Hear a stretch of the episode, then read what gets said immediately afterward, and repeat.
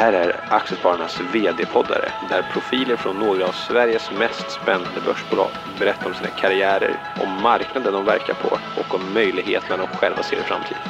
Dagens avsnitt presenteras av Sprint Bioscience och deras tillförordnade VD Jessica Martinsson.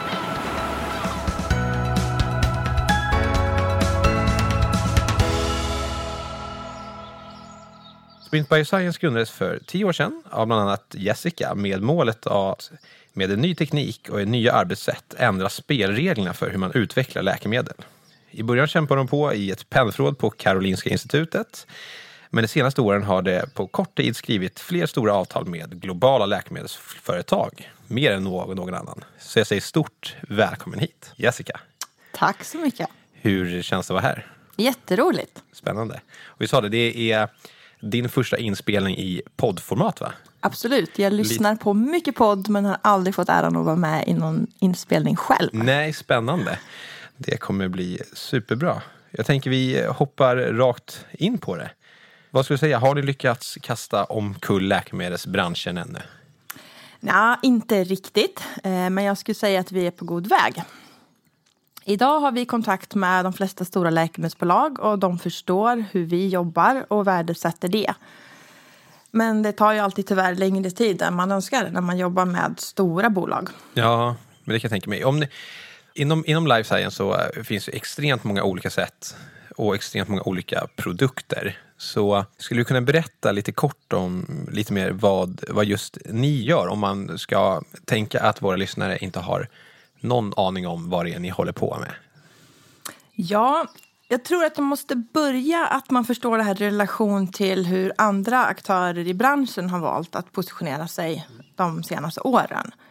Om man till exempel följer den här läkemedelssektorn i Sverige så ser man ju att ett flertal medelstora svenska bolag har avslutat sina aktiviteter inom tidig läkemedelsforskning och istället fokuserar på klinisk utveckling. Och tittar man internationellt så ser trenden likadan ut där. Där särskilt de stora bolagen väljer att köpa innovation istället för att bygga upp den själva. Och idag ser vi att de flesta avtal som sluts det görs redan i preklinisk fas, alltså i den fas där vi också har gjort våra avtal. Och de här projekten köps in från mindre, mera kreativa spelare. Och här är den vanligaste bolagsmodellen att man har sin utgångspunkt i ett specifikt biologiskt område. Ofta med ursprung i en akademisk forskning från en akademisk forskargrupp. Och du menar alltså att det inte är den mo modellen som ni använder er av, eller hur skulle Nej. beskriva det? Vi har valt en helt annan utgångspunkt. Vi ska vara proffs på läkemedelsutveckling. För all världens samlade forskning finns tillgänglig i vetenskaplig litteratur. Det är bara att läsa. Och då kan vi plocka ut det som är mest lovande. Så vi har en portfölj idag av projekt inom onkologi som har olika angreppsvinklar, vilket ger en riskspridning som man sällan ser annars i små bolag. Så vi tog möjligheten att skapa något med det bästa av två världar. Vi ville ta riskspridningen och affärsmässigheten som de stora bolagen är bra på och effektiviteten som de små bolagen är bra på.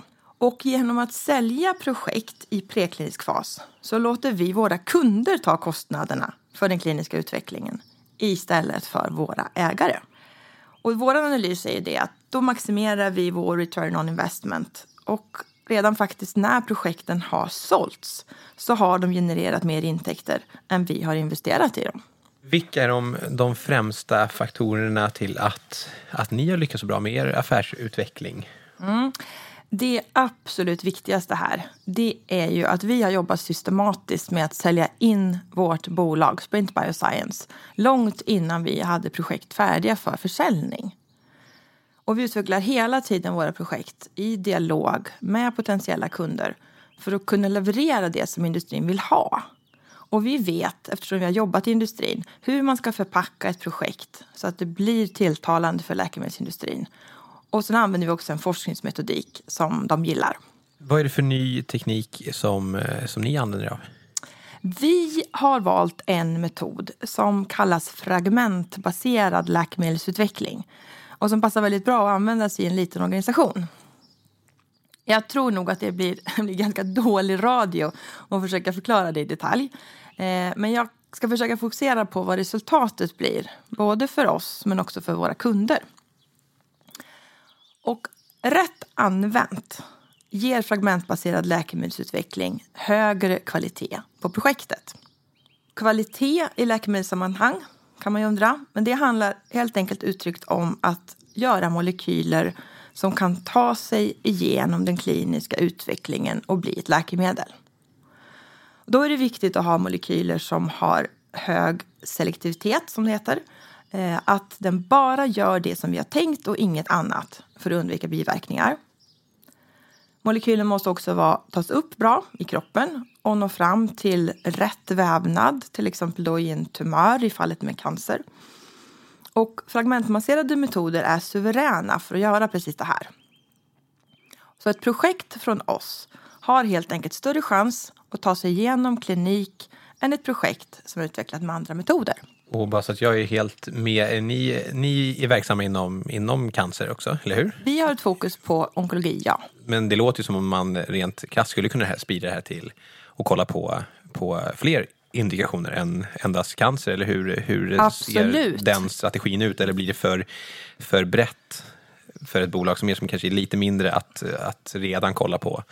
Tekniskt så är det fullt möjligt mm. att eh, sprida konceptet och bredda oss och jobba med andra indikationer. Men precis som du också är inne på så har vi valt ett fokus som gör att vi har, eh, kan ha biologiska modeller och koncept på plats så att vi kan jobba effektivt.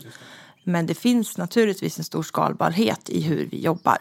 Ganska naturligt också att välja onkologi på något sätt för det är är väl också den, den, den största marknaden inom läkemedel eh, rent finansiellt. Absolut. Sådär, så. eh, och det man kanske också missar lite när man säger cancer eh, så missar man det faktum att cancer är ungefär 200 sjukdomar. Vilket gör att det finns för oss 200 sjukdomar att bota och väldigt mycket olika angreppssätt och biologi att sätta tänderna i i våra projekt. Så det finns jättestor potential att hitta nya egna nischer inom det gigantiska fältet onkologi. Både för oss forskningsmässigt men också gentemot kund.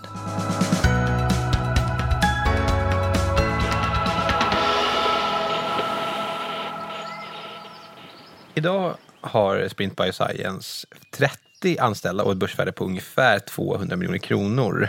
Ehm, är det vad du trodde ni skulle vara idag? När du var med och startade bolaget för tio år sedan? Eller hur, hur har resan varit och vad, hur har det matchat dina personliga förväntningar? Ja, vet du vad?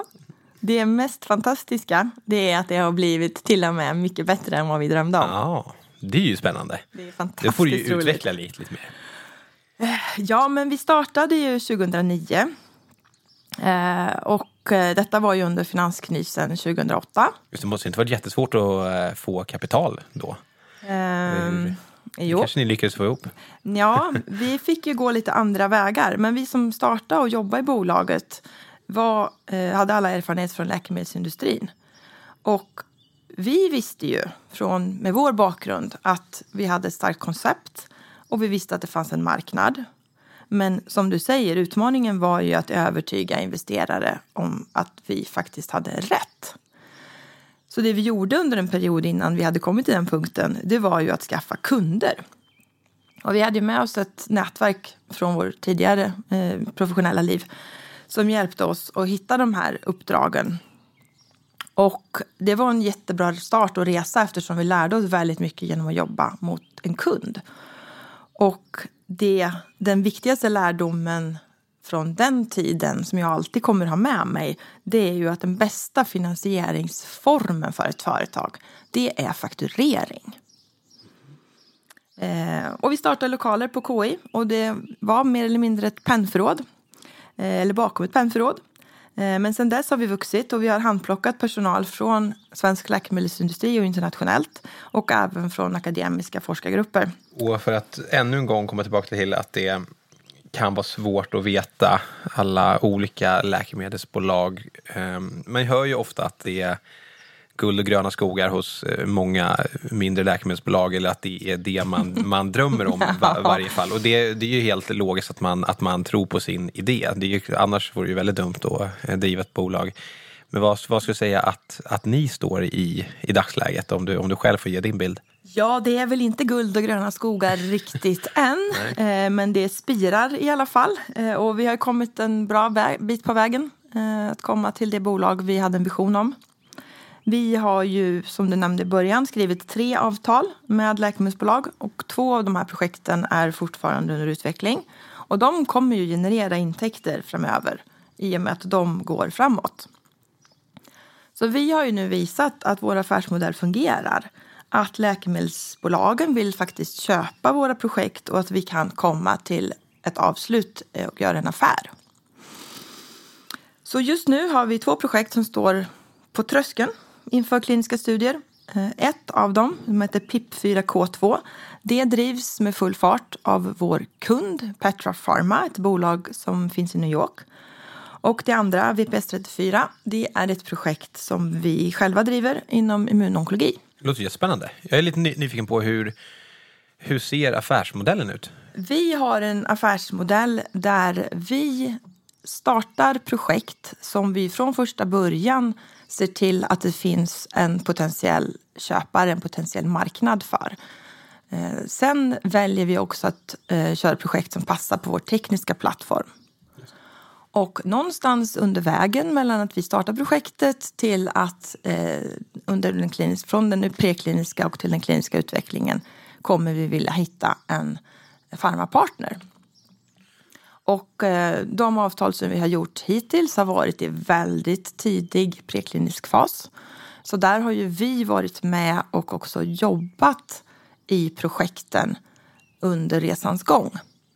Eh, så att vi säljer ju egentligen vår förmåga att utveckla ett läkemedel. Eh, så att det är inte att vi lämnar över en stor lunta med papper och ett antal molekyler. Utan vi fortsätter ju att driva projektet tillsammans med en kund. Brukar ni, eh, driver ni hela projektet? För det, det finns ju ganska många olika faser man måste gå igenom för att få ett läkemedel godkänt. Driver ni oftast det här projektet eh, hela vägen med er partner? Eller kan det vara så att eh, det genom alla eh, faser för att få ett läkemedel godkänt? Eller är det så att ni hoppar av i en, i en viss typ av fas? Eller att partnern, kan partnern bestämma det helt? Eller hur, hur ser av ren nyfikenhet, hur, hur, hur, hur ser det ut och hur tror du att det kommer Så här är det ju också mm. i branschen, att det som de stora bolagen är bra på, det är ju att driva stora fas 3-studier. Det kan vi ju konstatera. Eh, så där finns det ju ingen som slår dem. Men vi som ett litet bolag, vi kan vara snabba och kreativa i de tidiga faserna. Och eh, just där bolaget står idag så är vi experter på preklinisk utveckling. Eh, och eftersom våra projekt fortfarande inte har nått ett kliniskt stadium så har vi såklart inte en klinisk organisation. Eh, men vi är ett bolag som kommer fortsätta utvecklas. Så att om tio år kanske vi är där. Men idag så har vi ju ett stort fokus på preklinisk utveckling och att samarbeta med kund. Det finns ju många discipliner som krävs för att utveckla läkemedel som inte vi sitter på i vårt bolag. Utan där har vi ofta ett samarbete där vi gör det vi är bra på och kunden lägger in resurser och gör det som de är bäst på. Det måste finnas en jätte, jättemarknad för er då, låter det som. Jag tänker det tycker man hör, hör det över, överallt att det är väldigt, väldigt många som, som vill ta, ta läkemedel till, till marknaden. Så, och att eh, det, så det bör finnas en stor marknad att, att hjälpa bolag i, i tidigt skede. Eh, Absolut, det, det finns ju en jättemarknad. Och här tror jag kanske inte riktigt att man på investerarsidan har sett hur den här förändringen har verkligen slagit igenom på, inom affärssegmentet. Nej, och det faktiskt är så att ja, i alla fall under 2018 så finns det ju nu siffror på att den största andelen affärer i den här branschen gjordes faktiskt i preklinisk fas. Eh, det har inte, de är oftast inte affärer som det blir så stora rubriker om. Så Nej. därför är det inte så välkänt. Men i relationen mellan det lilla bolaget och stora läkemedelsindustrin så är den här transformationen som det har pratats om i många år, den har faktiskt skett nu. Så vad ska jag säga återstår för att ni ska känna att er vision är verklighet? Att gå med vinst. Och uh, hur ska ni göra det och när tror du att ni kan uppnå den visionen? Ja, varje avtal som vi ingår är ju unikt och speciellt för det projektet. Och vi siktar ju på att göra det bästa avtalet för varje enskilt projekt vi har. Så det är ju svårt att generellt svara på frågan. Eh, men vi räknar ju med att när vi har gjort ett par avtal till och att också några av de projekt som vi redan har licensierat ut kommer in i klinisk utveckling så kommer de här intäkterna från avtalen både att betala vår fortsatta utveckling och samtidigt generera vinst till våra aktieägare.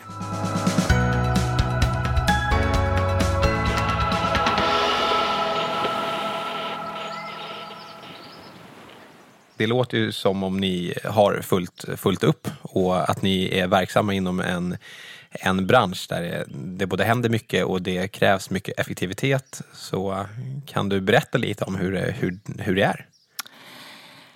Ja, det är klart att vi är väldigt effektiva och seriösa och jobbar med svåra frågor och komplexa sjukdomar. Men eh, i det dagliga så är ju ändå stämningen hos oss väldigt öppen och avslappnad. Jag tycker nog att det är som på de flesta arbetsplatser. Eh, vi dricker massa kaffe, går på möten och så står radion på i alla rum. Ett labb spelar hårdrock, någon kör fransk musik eh, och någon annan så är det P3 som gäller stenhårt. Men det finns också några låtar som har blivit lite av våra så här, signaturmelodier som vi ofta återkommer till. Då måste du nästan eh, ge ett exempel på vad det är för låt. Ja. Kan vi spela upp den? Ja, vad roligt. En låt som ofta återkommer när vi har något att fira, det är en rolig och ganska tramsig låt. Eh, det är låten This is the way med E-Type. Det är nog the soundtrack av Sprint Bioscience. Det är helt fantastiskt att ha ett eget soundtrack. Ja, att man känner det. så, Ja, verkligen. men vi, jag tror man måste också, när man jobbar hårt, måste man kunna ta chansen och fira på bästa sätt och peppa sig. Eh, och det här är inte bara en peppig låt, eh, utan det finns som en nivå till av att om man lyssnar på texten så stämmer den rätt bra på vårt bolag och det vi är. Eh, det finns bland annat en rad som jag verkligen gillar och det är This is the shape of things to come. Vårt bolag är ju helt rätt i tiden.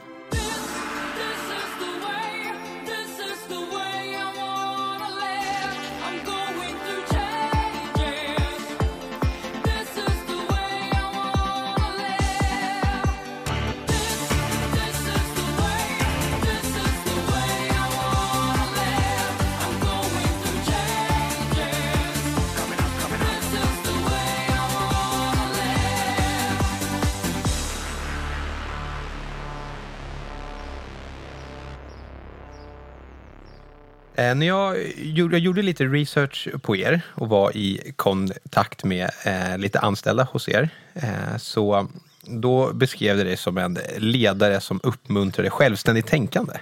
Ja, det är faktiskt inte någonting som jag bara uppmuntrar till utan faktiskt också kräver. We don't pay you to agree. Och för mig är det ju jättekorkat att vi ska ta in kompetenta människor och sen inte lyssna på dem.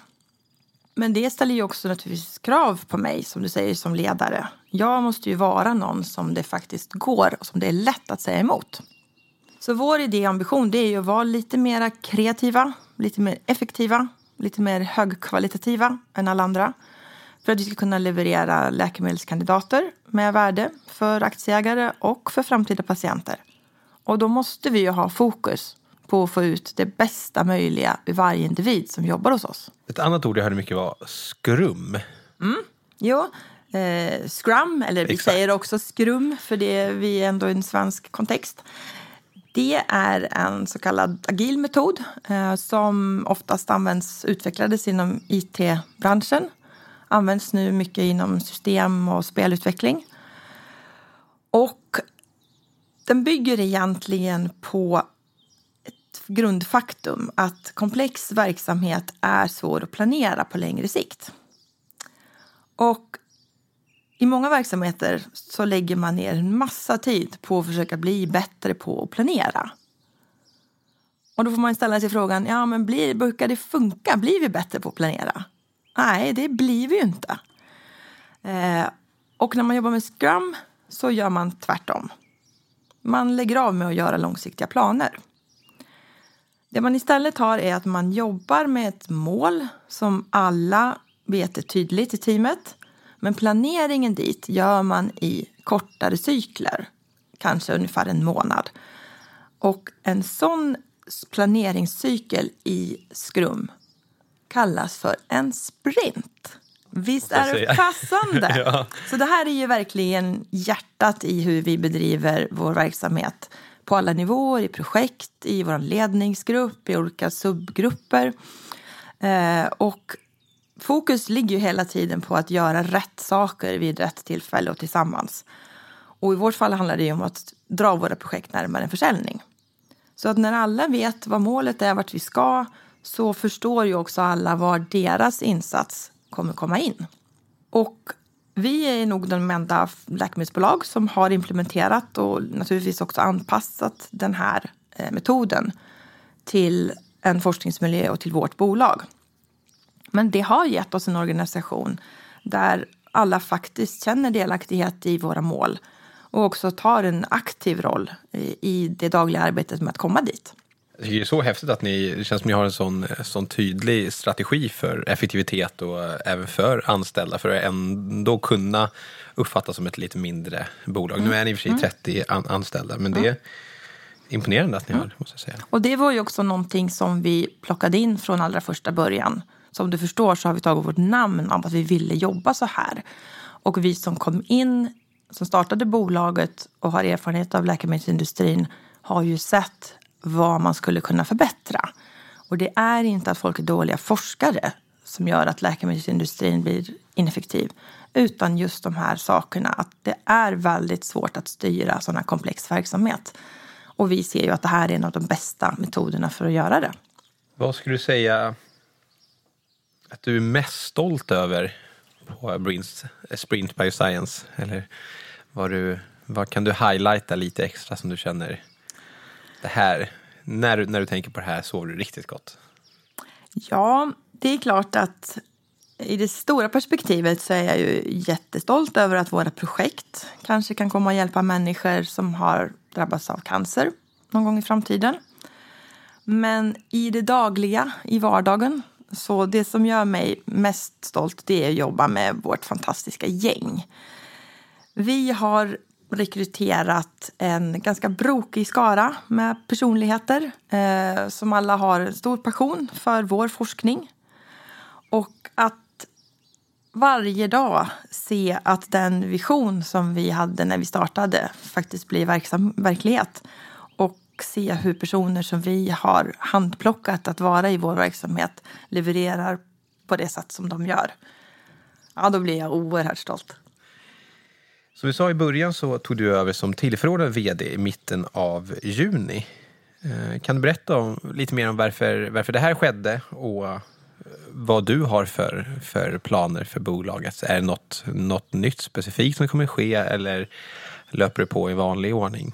Men i vårt bolag har vi ju alltid nya planer, såklart. Eh, men jag var ju med i bolaget och ledningen tillsammans med vår förre eh, vd Anders Åberg som nu har valt att eh, trappa ner eh, redan från starten. Så jag kommer ju fortsätta att bygga på den vision som vi hade från, från start. Och här skulle jag, jag cyklar lite, eh, så att jag skulle vilja dra en parallell här med hur man jobbar när man, med gruppcykling. Eh, för när man cyklar i grupp så turas man om. Någon ligger först och drar. Och det är den som för tillfället som är starkast som får dra. Och nu är det min tur att dra Sprint Bioscience. Då får jag säga stort tack för att du tog dig tiden att komma hit. Det var på- jätteroligt att vara med och få presentera bolaget och, och mig. Ja, det ska bli så, så spännande att följa er, er resa och förhoppningsvis kommer ni nå dit ni vill. Det hoppas och, jag också. Ja, och hjälpa mänskligheten. Och så får vi passa på att att önska en fortsatt trevlig sommar. Tack så mycket. Stort tack till alla som har lyssnat.